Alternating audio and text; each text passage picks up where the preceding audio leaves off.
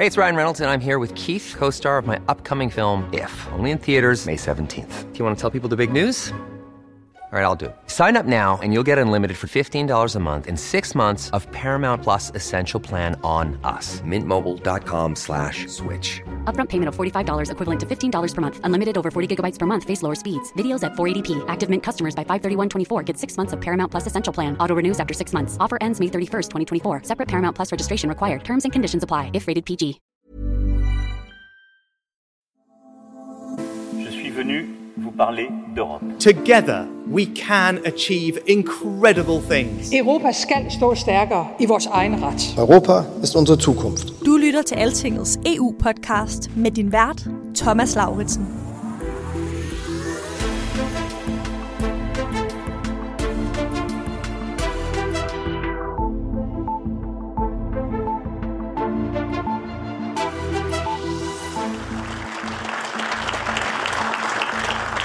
Finland's flag will now be raised while the national anthem is played.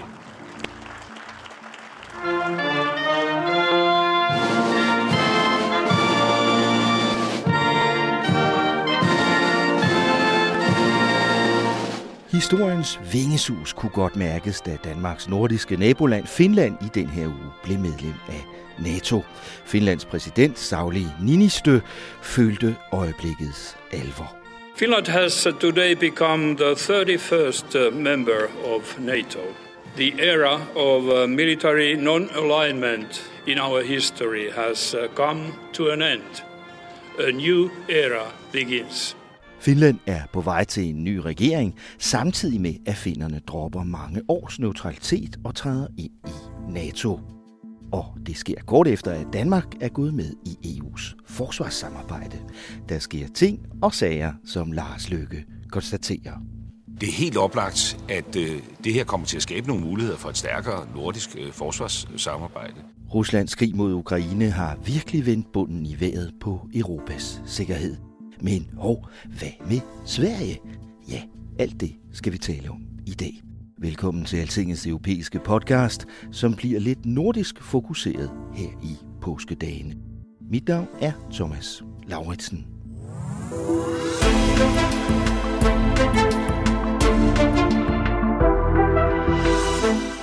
It is a great day to have Finland as a member. But we will ensure that also Sweden will become a full member. Det er en god dag, når Finland bliver medlem, men vi skal have Sverige med ombord også. Det sagde NATO's generalsekretær Jens Stoltenberg her tirsdag. Han sagde det mange gange, og det var han bestemt ikke den eneste, der gjorde. Vi havde jo helt set, øh, og det havde man også både i Helsinki og Stockholm, at de to nye nordiske NATO-medlemmer var trådt ind øh, i alliancen øh, samtidig. Det kan så ikke ske i dag, men jeg er stadig både fortrøstningsfuld og håbefuld. Øh, Sverige opfylder alle betingelser, der er sat for, for medlemskab, så det beror alene på, at der er to lande, der ikke har ratificeret. Jeps, to lande har ikke ratificeret, som udenrigsminister Lars Løkke Rasmussen siger her. Og derfor er Sverige ikke blevet medlem af NATO endnu. De her to modstræbende lande vender vi tilbage til om lidt. Først skal jeg lige sige hej til min makker her i podcasten, og det er jo dig, Rikke Albrechtsen, Altingens EU-redaktør. Hej Rikke. Hej Thomas. Rikke, skal jeg prøve at sige noget til dig på finsk? ja, giv det dit bedste bud. Tervetuloa Suomi. Ved du, hvad det betyder? Øh, nej. Det betyder velkommen Finland. Det er flot. Og det sagde de ude i NATO her i går, der var derude. Synes du egentlig ikke, at det er lidt vildt, at Finland pludselig er med i NATO? Jo, det gør jeg. Det er jo gået sindssygt stærkt. Ikke? Altså, det jo. er jo kun et år siden, i april sidste år, at, øh, at den nu snart øh, forhenværende statsminister øh, Sanna Marin var ude og sige, at, ja. øh, at nu undersøger de altså alle muligheder, og at de ville se på, om de skulle melde sig ind i alliancen, efter at øh, Rusland var gået ind i Ukraine. Ja, og det er jo udtryk for en eller anden, på en eller anden måde udtryk for en helt ny udvikling i Europas sikkerhedspolitik, som jo også berører Danmark. Jamen det gør den da. Altså det, det fik ligesom øh, skubbet den her invasion øh, i Ukraine fik jo bare skubbet til alt muligt. Mm. Fik skubbet til, om hvorvidt lande kunne føle, at de egentlig kunne bevare en status som øh, alliancefri eller neutrale. Øh, og det fik skubbet til, om vi i Danmark for eksempel synes, at det var super fedt at stå uden for den europæiske forsvarspolitik, og, Mm. og sendte jo også, også ud i en, en, en folkeafstemning om det. ikke. Altså, Jo. så det satte en hel masse øh, tanker i gang om, jamen, hvordan er det egentlig, vi forholder os øh, til det med forsvarspolitikken i Europa. Ja. Og nu kommer landet med Europas længste landegrænse til Rusland så ind i NATO. 1340 km grænse, helt op fra Polarcirklen og hele vejen ned til St. Petersborg, Rikke. Det bliver nu en NATO-grænse. Og så er et af de store spørgsmål jo selvfølgelig og nu, hvordan vil russerne reagere på det? Indtil videre har de reageret temmelig negativt. Øh, de kalder det en trussel. Øh, alle de her nu 31 NATO-landes udenrigsminister er samlet her i Bruxelles, mens vi optager den her podcast her onsdag. Og da den amerikanske udenrigsminister Anthony Blinken han kom i går, der sagde han, at NATO på en mærkelig måde kan takke Ruslands præsident for, at Finland vælger NATO. I'm tempted to say this is maybe the one thing uh, we can thank Mr. Putin for, because he once again here has precipitated something he claims to want to uh, prevent. Putin har selv fremprovokeret det, han hævder at ville forhindre, sådan siger Anthony Blinken. Men det har jo altså ikke været helt nemt, det her forløb. Efter invasionen 24. februar sidste år, som du sagde, Rikke, lige før, så brød øh, Finland og Sverige med mange års neutralitet. Jeg ved ikke, om neutralitet er det helt rigtige ord. Alliancefrihed, øh, tror jeg, de foretrækker, fordi at, øh, det andet, det virker mere som om, at man sådan helt melder, melder sig ud Ja, af, ja. af, af alting. Øh, og de sagde begge to øh, allerede sidste forår, at de ville gå i NATO, øh, og de, at de ville gøre det sammen, begge lande. Ikke?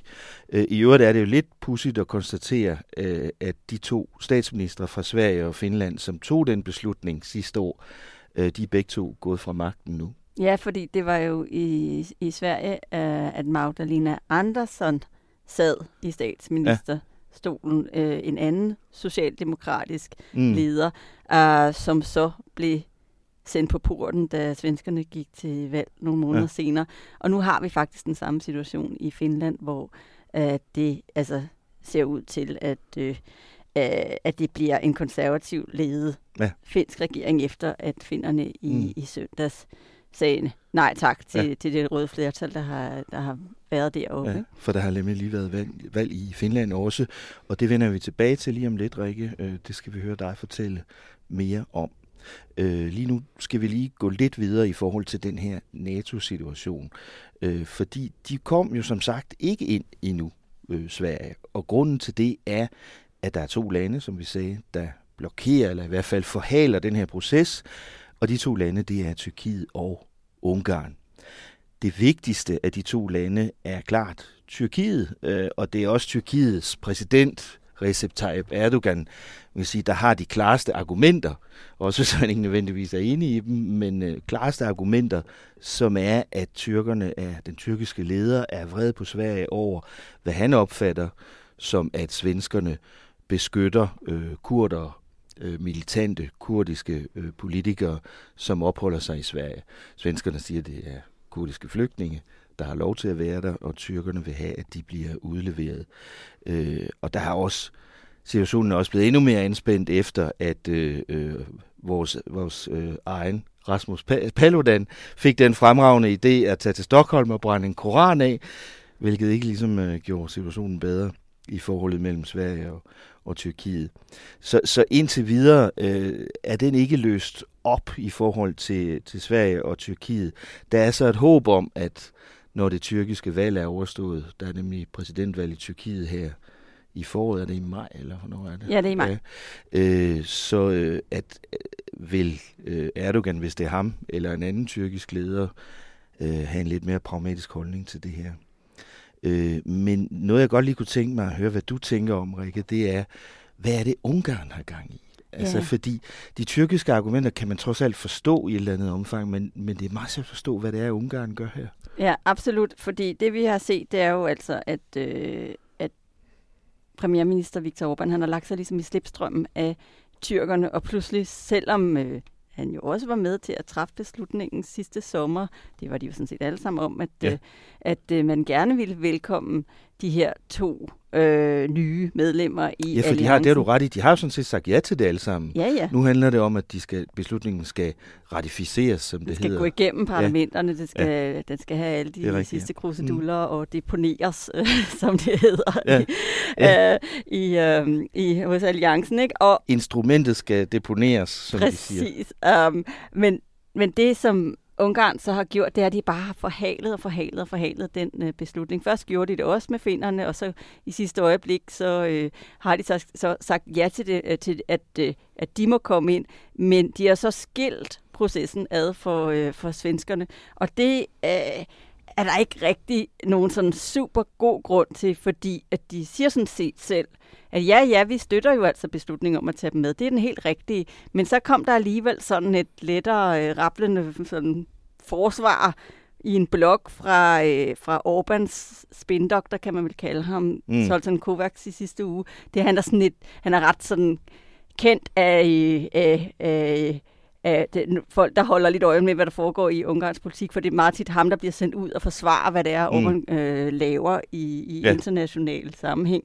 Og øh, han, han, han kom ligesom med tre gode grunde, synes han, for hvorfor at øh, det ungarske parlament, de modsætter sig øh, at, at træffe den her beslutning. Og den ene skulle være, at øh, svenskerne har været så frække at tale om, at der er en udemokratisk øh, sådan bølge i gang, i udvikling i gang i, øh, i Ungarn. Så er der mange, der ikke må være med i NATO, hvis man ikke må sige det. Fordi, øh, Præcis, inklusive, du ved, Det internationale institutioner, Ja. Europaparlamentet, Mm. mm. EU-kommissionen, Venedig-kommissionen, Ja. øh, Europarådet og så videre. Ikke? Mm. Um, og den anden grund skulle være, at øh, man mener, at de øh, opfører sig moralsk overlegen deroppe i Stockholm, øh, og ligesom taler ned til dem. Og så, så, og så siger de, så tager han sådan et argument med sådan lidt, øh, hvad med jer selv? Altså, det var jo ikke Ungarn, der står, og, øh, der, der har brændt Koranen. Øh, Nej, det er Rasmus Paludan. foran øh, et, det tyrkiske, den tyrkiske ambassade i Stockholm. Ikke? Um, og at, at svenskerne sådan, ligesom ikke har styr på deres egen baghave og bare siger, at det handler om ytringsfrihed, når, når de Ja. egentlig i princippet mener, man Men går det er jo nogle og træder på argumenter, nogens der- religion. Ikke? Det er jo nogle argumenter, der intet har at gøre med NATO. Ja, og det sidste er ligesom, at, øh, at hvor han altså, blankt siger, ja, vi støtter jo deres medlemskab, men der er ligesom behov for at rense luften. At det er som om, at nu skal svenskerne bare lige ned på knæ og sige undskyld for, at de har været tavlige mm. øh, mod, øh, mod ungarerne og talt grimt om deres styreform. Og, Mm. øh, og at øh, det bliver de bare nødt til lige, du ved. Der bliver de nødt til lige sådan, kom ned og, og og det er det, lidt. sådan, Viktor Orbáns måde at agere på, som vi har set ham ved mange lejligheder i EU. Spørgsmålet er, hvor klogt det er at begynde at opføre sig sådan i NATO.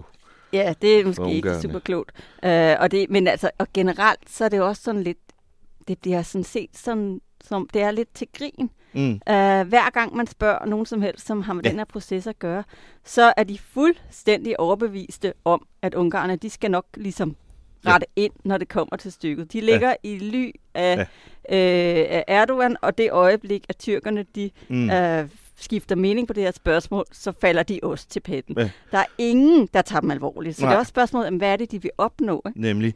Og det var også klart den fornemmelse, jeg fik, da jeg var ude i, NATO forleden dag, at fornemmelsen er, at i det øjeblik, Tyrkiet siger okay til Sverige, jamen så er det kun en formalitet at få Ungarn med også, ikke? Og, og det har jo så i hvert fald den konsekvens, at så er der ikke rigtig nogen, det tyder på, at der ikke er nogen, der tager Ungarn alvorligt mere. Og det kan da heller ikke være en fordel, hvad man tænker. ikke? Og det betyder, at alle regner med, selvom ingen sådan siger det øh, højt foran mikrofonerne, så, øh, så regner alle med, at Sverige kommer med, enten før øh, topmødet, det topmøde, der kommer i Vilnius i Litauen den 11. 12. juli her til sommer, eller også, at det kan besluttes under selve topmødet. Øh, altså begge dele kunne sådan set ske. Øh, man kunne tænke, at tyrkerne måske vil køre den hele vejen op til topmødet. Det skulle ikke være første gang. Nej, nej, vi har, kan jo godt huske, hvordan det var, da Anders Fogh han skulle udnævnes til NATO-generalsekretær, Ja. og de havde lige deres egne kæpheste i forhold til det topmøde en tv-kanal var... i Danmark, som de ja. godt lige ville have ja. sløjfet sendetilladelsen til. Og, ja. Altså, de, de er gode til det der med lige at have noget i bag, ja. baglommen, som ja. de godt lige vil det have. Det var et NATO-topmøde i Strasbourg, som jeg var med til, og der kan jeg godt fortælle dig, der var der ingen, der vidste, om det lykkedes for Anders Våbel, generalsekretær, før det var sket. Altså, det var virkelig, virkelig indtil sidste øjeblik, at tyrkerne de kørte den helt ud til, til kanten. Ja. Så det kunne sådan set godt ske den her gang øh, med Sveriges medlemskab. Men lad os se. Øh, forventningen er i hvert fald, at der kommer en løsning øh, til sommer. Og selvfølgelig handler det her mest om, at Finland og Sverige vil med ind under NATO's, og det vil jo sige primært USA's beskyttelse, fordi Putin er gået amok på, på Ukraine. Men, men faktisk har begge lande haft et meget tæt militært samarbejde med NATO i mange år, og som NATO's generalsekretær mener om, ja, så er for eksempel Finland et relativt stærkt land militært. Finland will bring to the lines uh, substantial uh, military forces, well trained, well equipped. Finland vil give alliancen et væsentligt antal militærstyrker, som er veltrænet og veludstyret, siger Jens Stoltenberg. Øh, Finderne har jo forholdt sig øh, alliancefrit, som vi talte om, Rikke, øh, i, i mange, mange år.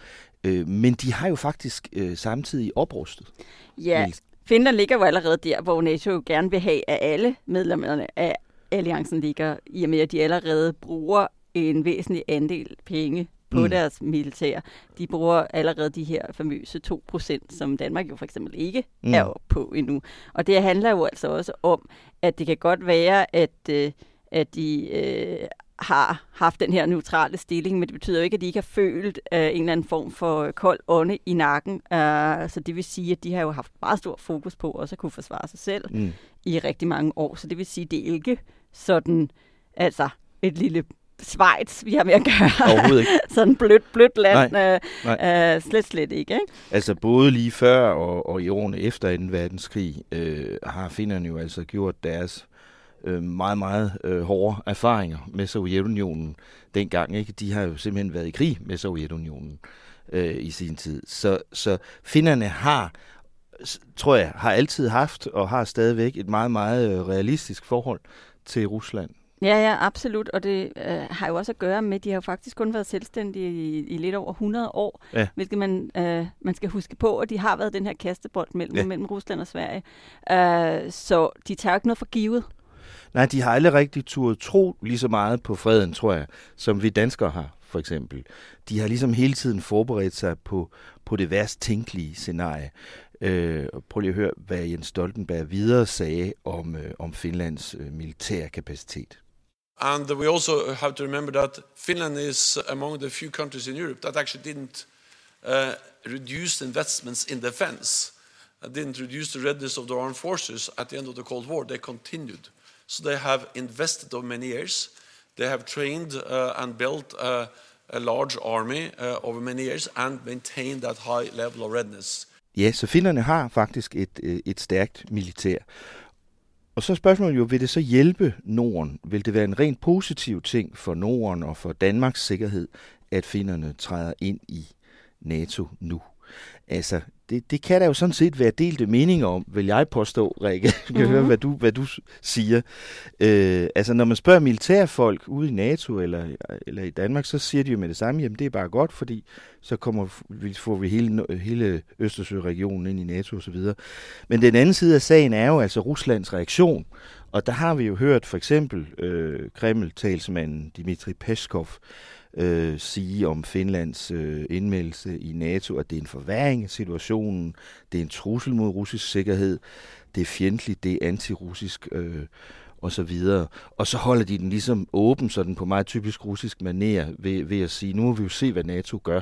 Ikke? Mm. Vi bliver nødt til at reagere forholdsmæssigt. Øh, nu må vi jo se, hvad NATO så stiller op i Finland, så vil vi være nødt til at gøre noget, noget lignende. Ikke? Øh, og, og der er det bare, jeg tænker, kan man egentlig ikke også godt argumentere for, at det, at det skaber mere usikkerhed, det her? Jo, men så tror jeg også bare, at du på mange måder går ind på, på Putins argument om, at der, øh, altså, mm. der er interessesfære, der er, ja. øh, at det er okay, at der skal være ja. bufferzoner zoner mellem, øh, mellem, mellem Rusland og, og det, som de betegner som et, et, et fjendtligt indstillet Vesten. Ikke? Mm. Og det er der har argumentet jo også fra findernes side være, at altså, den der alliancefri tid, den er forbi. Ja. At nu bliver man nødt til på en eller anden måde at øh, bekende kulør i det her. Man kan ikke, man kan ikke holde sig øh, udenfor. Og det, øh, det, det er jo derfor, at de har truffet den beslutning. Og så er der jo så også det andet element, som handler om, at man sådan rent geografisk, hvis du kigger på, på et Europakort, jo går ind øh, og, og på en eller anden måde ændrer på det, som man før kaldte for, for, for NATO's bløde mave, mm. øh, som var hele Østersø-regionen, hvor man jo havde øh, både Kaliningrad og så også, øh, også øh, noget, noget russisk mm. territorie lidt længere oppe nordpå, som, oppe St. Petersborg. Ja. som havde ja. som har adgang til, ja. til øh, Østersøområdet, og så havde Finland og Sverige udenom, som mm. jo heller ikke øh, var NATO-land.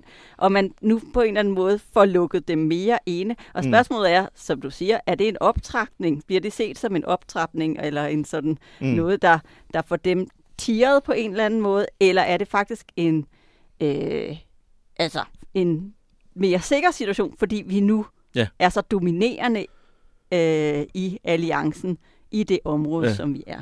I hvert fald er et af de spørgsmål, der jo rejser sig nu, og som vi ikke har, har svar på endnu, øh, det er jo, hvad betyder det rent militært, kan man sige? Ikke? Øh, altså, skal, skal NATO nu til at udstationere soldater deroppe i, i Finland på en anden måde, end man har gjort før? Skal der være en NATO-base deroppe og sådan noget? Det sagde Jens Stoltenberg øh, her øh, forleden dag, at det er der ikke umiddelbart nogen planer om nu, men altså, det betyder jo ikke, at der ikke kan komme det en dag. Og sådan, ikke? Så det rejser ligesom også nogle nye diskussioner om, hvordan NATO skal være til stede i den del af, af Nordeuropa. Ikke? Også fordi Deroppe. russerne har også vælt sig på banen og sagt, at ja, ja. de kommer til at fordoble antallet af, af øh, sådan boots on the ground i, i ja. området, ja. og øh, kommer helt sikkert til at have en skærpet ja. opmærksomhed. Ja. Udenrigsminister Lars Løkke Rasmussen, øh, da han blev spurgt om det, da han kom til NATO-udenrigsministermødet, øh, var ikke i tvivl om, at det ville være godt for sikkerheden. Det er jo ikke fordi, vi skal regionalisere NATO-samarbejdet, men det er klart, at det skaber nogle, øh, nogle muligheder, og det kommer til at skabe også en tryggere øh, Østersø i lyset af Putins aggression, at alle lande omkring Østersøen, altså bortset fra Rusland, er medlem af NATO. Lars Løkke Rasmussen mener altså, at det forbedrer Danmarks sikkerhed, at Finland er kommet med, og han håber, at Sverige kommer det meget snart også. Øh, han ser gode muligheder for et styrket sikkerhedsmæssigt samarbejde om Østersøen. Og med Finlands indtræden i den her uge, kan man jo sige i hvert fald, at der er åbnet et nyt kapitel i historien om Europas sikkerhed, og også Danmarks sikkerhed. Rikke Albrechtsen, noget, der er et ret utroligt sammenfald, det er at netop som finnerne træder ind i NATO, og dermed ændrer landets udenrigs- og sikkerhedspolitik temmelig drastisk så er Finland jo, som vi nævnte før, midt i at skifte regering. Ja, det er det. Der var jo, som vi var inde på før, valg i søndags, hvor øh, øh, det ser ud til, at der kommer en, en øh, mere højorienteret regering. Øh. Ja, og det valg har du jo dækket for os her i de seneste dage, Rikke. Det skal vi høre mere om.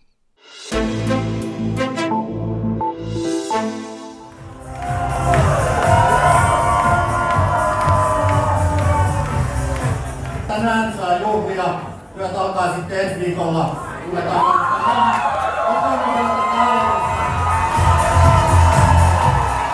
Her hører vi jubelen hos Finlands konservative parti, Samlingspartiet hedder det, søndag aften, da det stod klart, at de nu er det største parti i Finland. Lederen af det konservative parti, han hedder Petteri Orpo. Og bliver han så statsminister nu, Rikke?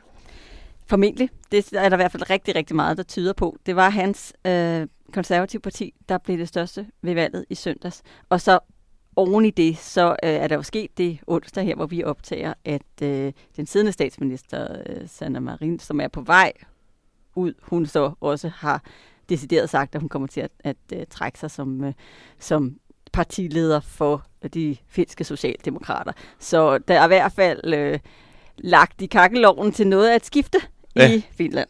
Nu, nu siger vi godt nok, at det var øh, de konservative og Peter Orpo, der, der, der blev størst, men de blev ikke sådan meget størst. Nej, det var faktisk et ret sindssygt... Det var næsten dødt løb, altså. Sindssygt sådan øh, opløb, fordi du havde tre forskellige partier, som i målingerne øh, op til valget var altså fuldstændig lige, totalt inden for den statistiske, statistiske øh, øh, sandsynlighed. Og det endte også sådan. Det endte med, at øh, hans konservative parti fik 20,8 procent af stemmerne. Og så de sande finder, som vel man godt kan kalde lidt det finske svar på Dansk Folkeparti, de fik så øh, 20,1 procent af stemmerne. Og mm. så Socialdemokraterne øh, kom så ind lige efter med 19,9 procent. Ja. Så det er jo altså... Det, er jo, det hele for, er inden for 1 procentpoint. Ja, altså, det er helt, ja. helt vildt. Ikke? Ja. Så det var også på mange måder øh, både en gyser og så også sådan en slags statsministerkapløb ikke? mellem mm. de her tre profiler, øh, mere end det var sådan et almindeligt ja. bredt valg. Og Petri Orpo kom så ind lige med et mulehår øh, først. Ikke? Øh, betyder det så, synes du, Rikke, øh, at de finske vælgere gerne vil til højre? Jamen det, det gør det helt sikkert, fordi øh, hvis du ser på, hvad vi havde at gøre med inden valget, der havde du sådan en femparti-koalition, øh, som var meget øh, rød i det. Rød Den var sådan rød-grøn, ja, ja. Ja, der var øh, altså partier ude til venstre, der var et miljøparti, der var øh, Socialdemokraterne, altså ledet af en skikkelse som øh, Sanna Martin, som altså er til venstre i Socialdemokratiet. Mm. Øh, og det vil sige, at at de havde nogle meget progressive holdninger til alt muligt. Og mm. når man så ser på, at øh, dem, som finderne har valgt ind, der ud af de 200 øh, parlamentarikere i den finske rigsdag, der er 123 af de nye, de er placeret til højre for midten. Mm. Så kan man jo ikke sige andet, end at, øh, at finderne har mm. valgt, at det skulle gå i en anden retning nu. Men, men vil, vil øh, Petri Orpo så gå i regering med de sande finder? Øh, fordi selvom de er højreorienterede, og han øh, også er det, så øh, er det jo en helt anden slags parti. Altså, de er jo nationalister. De er jo imod EU, og øh, i det hele taget ligger et andet sted, end, øh, end han gør. Ja, men det gør de da helt sikkert. Altså, det, øh, og de er også... Øh, altså heller ikke vilde med klimapolitik eller udviklingsbistand. Og så er der selvfølgelig hele indvandringsspørgsmålet, hvor de selvfølgelig er mega hardliner, fordi de er mm. højre nationalister. Ikke? Øh, men Øh, og, og det er, jeg tror helt sikkert, at han vil begynde at kigge i den retning til at starte med alligevel, selvom ja. de ikke deler alle, øh, ja.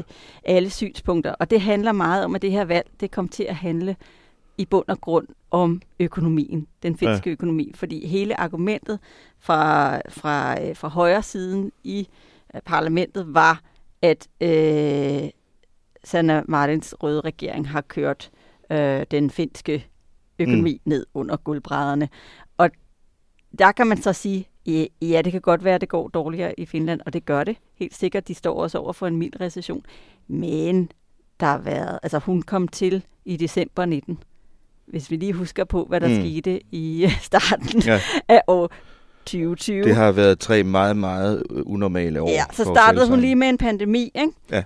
Og så udbrød der en krig, der var startet af deres naboland øh, og tredje største handelspartner, som jo er Rusland. Uh, mm. Så de har jo også lige skulle bruge nogle mm. skejser på at, ja. øh, at øh, beskytte sig selv bedre. Ikke? Altså, så det vil sige, at, at øh, der er en grund til det, men det er simpelthen det har simpelthen været sådan, at det narrativ, der er blevet bygget om, op om det, det var, at det har været en kæmpe fejl at lade de der øh, unge piger holde kreditkortet, som en forsker sagde til okay. mig. Men det betyder, betyder det så også, at det ville være svært for Ortpo at vælge at dreje sig den anden vej rundt, og så danne regering med Socialdemokraterne, for det kunne han jo ellers også godt gøre. Ja, det er helt, altså, og det, der skal vi lige huske på, at de, i Finland er det er bestemt ikke noget særsyn at gå i koalition over midten. Det er en øh, gammel tradition. Mm. Det, det, der er et særsyn der, det er faktisk, at der i, i et par perioder har været det, som de beskriver som blokpolitik, som vi jo bare mener er en helt almindelig hverdag, ja. som er, at enten har du en øh, rød, ja. eller så har du en ja. blå regering, øh, altså hvor vi jo er i en total ja. ny situation derhjemme nu, fordi vi prøver noget andet med en midterregering. Mm. Der er det altså det er normalt Der er det normalt. Ja. Og, men nu har de så lige haft en periode, hvor der var en rød, og før det var der en blå. Og øh, nu vil man så køre en blå igen, ikke? Så, ja. altså, så det er sådan lidt, wow, øh, ja.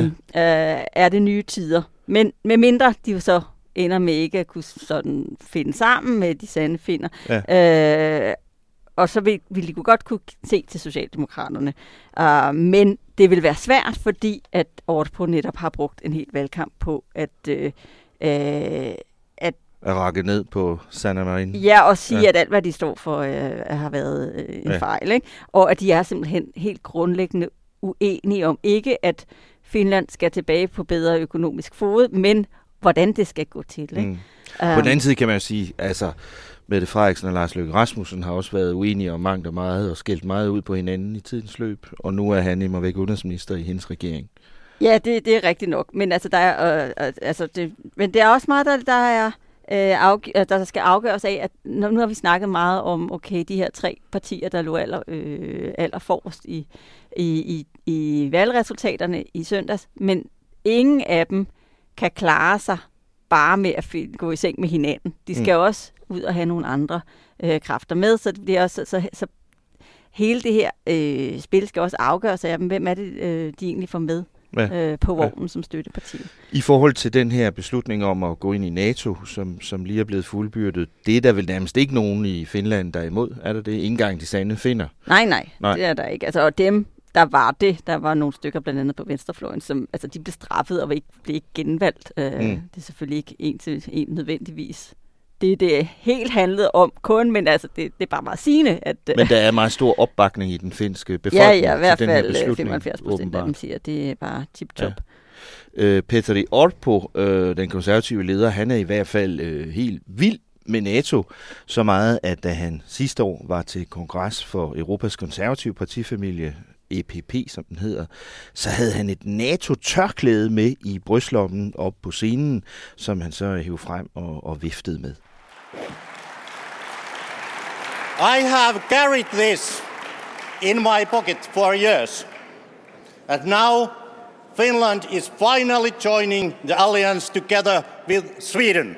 Ja, det der med Sverige er altså ikke helt afklaret endnu, øh, men der er ingen tvivl om, at Petteri Orpos engagement er der. Og der er heller ingen i Moskva, der skal bilde sig ind, at Finland nu får en statsminister, der er blød i knæene over for Rusland.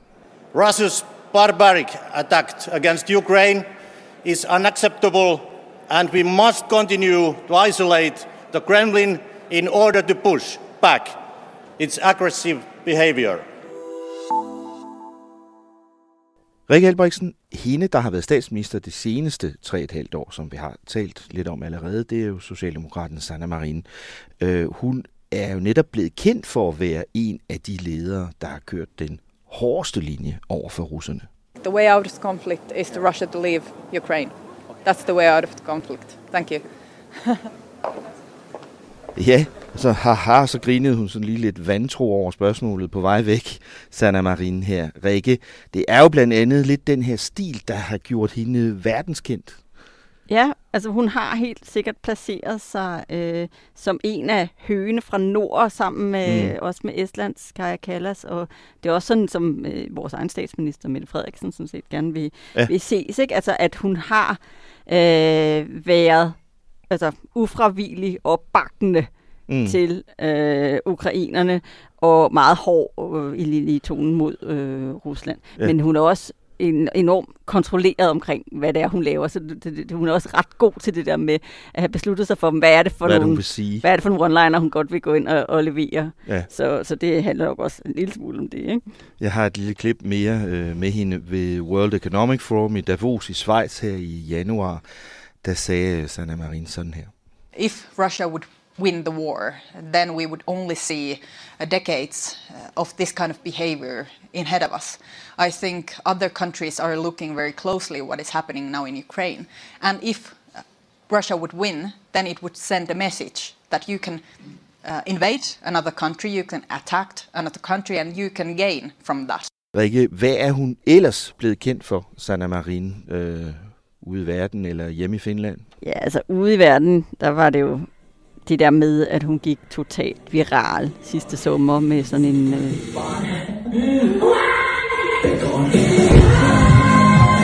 video, hvor hun dansede øh, faktisk utrolig flot, synes jeg. Ja, det synes jeg med, med nogle af sine venner. Og det var jo ikke, øh, det var ikke en video, der var tænkt til at gå ud, komme ud til mm. offentligheden. Har hun været meget, meget, meget øh, påpasselig med at understrege. men nogen Hun var simpelthen den, til fest hos venner, og så havde de fået lidt at drikke, og så hørte de noget musik. Og, og så gav de den mega gas. Ja, så havde de det sjovt, ikke? Og det var der nogen, der filmede. Ja, og det øh, har skabt bare en kæmpe debat om, hvorvidt det nu var særligt statesmans-like øh, Mm. at gøre sådan noget. Og det var sådan, som om, at det på en eller anden måde øh, var et problem, fordi at hun så ikke levede op til sit ansvar, og mm. kunne man nu ligesom stole på, at hun kunne øh, øh, sådan holde øje med, øh, hvad der skete øh, for sit land, hvis hun også samtidig skulle være sådan en, der festede. Ikke? Og hvor hendes argument var, at altså, hun jo også skulle have lov til at være et menneske. At hun, Ja. også, altså, at hun ikke havde forsømt den eneste arbejdsopgave, eller, eller holdt den, altså, du ved, en, en, en fridag i utide, eller noget som Ja. helst, at hun på intet tidspunkt har sluppet sit ansvar, men at hun nok også skulle have lov til, mm. og havde brug for, også nogle gange, at holde fest, og Ja. være glad, og hygge sig med sine venner. Og det har jo også udløst en, en, øh, en debat, både i, i Finland og så for så vidt også i Danmark, øh, om, om, hvad skal man sige, om hyggeleriet omkring de her ting. Ikke? Fordi, øh, altså, øh, er, det, er det så sådan, at gamle mænd godt må drikke sig fulde, men unge kvinder må ikke, eller sådan noget? Det er jo ikke fordi, at, at finske politikere i tidens løb øh, har været helt fremmede over for ideen om at få et lille glas, kan Et lille sige. glas vodka? Nej, det er lige præcis. Og det, så det har der helt sikkert været, øh, været en, en meget stor sådan diskussion omkring. Men det der, det, der var udkommet, det var bare, at på en eller anden måde, så øh, fik det bare cementeret det faktum, at hun simpelthen splitter befolkningen mm. i, øh, i Finland. Og altså alle, jeg har talt med ek- eksperter og så videre om, om hende som øh, fænomen, det har været, at hun, var, hun bare er enormt polariserende, og der er rigtig mange af dem, som ikke sådan rigtig synes om hende i forvejen, som synes, at altså så for, for hvem det her bare gjorde det værre, at de så hende som, som en eller anden form for letbenet Mm. øh, figur, der altså Mm. på en eller anden måde stod for alt muligt useriøst. Ikke? Men tror du så, at det har skadet hende ved det her valg? Jamen, altså, det har det jo hos nogen. Mm. Øh, det er i hvert fald helt sikkert. Og der er bare nogen, som øh, helt åbenlyst også siger, at de bare foretrækker, at deres politikere, det er sådan nogle midalderne mænd i jakkesæt, og det, det, kan hun, det kan hun egentlig ikke komme fra. Men der samtidig så har hun været ekstremt populær i nogle kredse som øh, statsminister, og hun var også den, når man målte på politikernes image inden valget, så var hun klart den, der havde det mest sådan positive omdømme. Altså måske blandt andet, fordi at sådan en som Peter de Ortbo, altså han er møgkedelig, ikke? Altså han er virkelig ikke Mr. Personality. Det er ikke vanvittigt spændende ud, kan man sige. Altså hun er, han er den karakteristiske middelmand i, Jeg tror ikke, vi risikerer at se ham danse. Øh, Altså muligvis, hvor- men jeg tror bare ja. ikke, det er lige så flot, som når hun gør det. Ja, det sagde Øhm, Ja, men, øh, men i hvert fald, så, så var det så på en eller anden måde, så var det her sådan lidt selvforstærkende. Men ja. det, det, gjorde, det gjorde stadigvæk øh, det, at Socialdemokraterne de endte faktisk med at gå frem ved valget.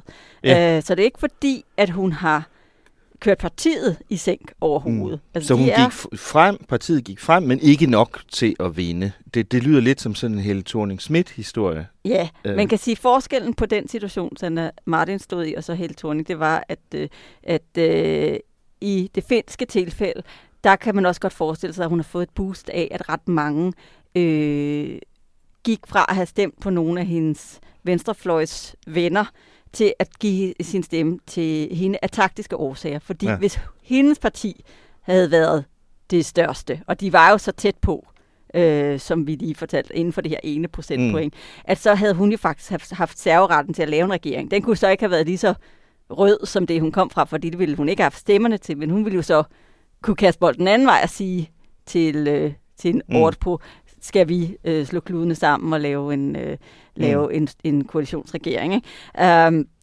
og det, så det vil sige, at der kunne hun altså godt få et boost. Det er lidt svært at adskille Mm. det fra hinanden, Ja. men samtidig er det altså, en sejr en sejr. Ikke? Altså, hun, hun gik frem, hun gik ikke tilbage. Så selvom hun, som du siger, netop har meddelt, at hun går af som, øh, som formand for, for det finske socialdemokrati, øh, så tror jeg ikke, man helt kan udelukke, at hun kan komme til at spille en rolle i, den, i en ny finsk regering. Nej, det hun sagde til det pressemøde, der har været i dag, det var, at, øh, øh, at hun nu ville træde tilbage, men hun vil stadigvæk lede de regeringssonderinger, som, øh, mm. som er i gang deroppe, og hun først træder tilbage til september, når der er partikongres. Øhm, og at det eneste, sådan, altså hun udelukkede ikke, at hun for eksempel ville tage en ministerpost. Mm. Det var hun bare sådan, det vil jeg ikke lige komme ind på.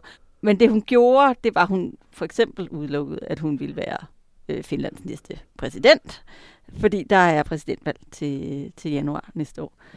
Ah. Um, ja. Så, så ja. men altså, bottom line er, hun trækker sig i hvert fald fra, fra det store rampelys på sigt. Og hvis, hun, hvis der nu ikke er en vigtig rolle til hende i finsk politik, så har jeg jo læst et fremragende portræt skrevet af en, der hedder Rikke Albrechtsen øh, på Alting, øh, hvor der står, at Sanna Marin er et utroligt ambitiøst menneske. Og derfor må vi formode, at hun ikke ligesom bare øh, går hjem og sætter sig i sofaen. Øh, så der er jo også begyndt at gå rygter om, om hun så skal have et stort internationalt job, for eksempel her i Bruxelles. Ja, det er der i hvert fald mange, der godt kunne tænke sig. Altså, mm. man, man, når man ser på hendes image, det der med, hun er jo altså kun 37 år. Hun har en million Instagram-følgere. Hun øh, er ung med de unge. Hun er mm. øh, altså for mange at se et, et, altså et frisk pust og noget ja. øh, lidt andet, end, end det vi kender på de bonede gulve. Mm. Altså, øh, det er der mange, der godt kunne forestille sig ville være rigtig dejligt at have med i mixet, ja. øh, når vi nu går ind i sådan en stor toppostbrokade, som vi jo gør i det næste, øh, ja. i, i det næste ja, mm. til, øh, når, når vi har haft Europaparlamentsvalg, og der skal udvælges ja. ny kommission og en ny formand ja. for det europæiske råd, og en ny EU-udenrigschef og så videre. Ikke? Ja. Ja. Og Socialdemokraterne øh, på EU-plan virker det som om, de har et rigtig godt øje til hende. Mm. Øh, men jeg er så ikke sikker på, hverken at hun vil, eller ja. øh, om hun nødvendigvis Altså. Hvis, nu, hvis nu det går som, som vi tror i øjeblikket, at Ursula von der Leyen kommer til at fortsætte en periode mere som kommissionsformand, øh, så vil man jo stadigvæk have en situation, hvor for eksempel jobbet som udenrigschef kunne godt være en socialdemokrat, ikke? Mm, øh, man kan så sige, at de har haft socialdemokrater på den post de sidste par gange. Nogen, ja. nogen vil nok begynde at sige, at det ikke tide, at vi får ja. andet end det. Samtidig så er der jo så ikke så mange socialdemokratiske øh, regeringschefer tilbage, så, der, så de fylder ja. ikke så meget. Som der er jo også jobbet som, øh, som rådsformand, som ja. i øjeblikket øh, øh bliver bestridet af, af, af Belgien. Den bel- belgiske liberale Charles Michel, ikke? men det kunne godt være, at kabalen faldt sådan, at det skulle være en socialdemokrat.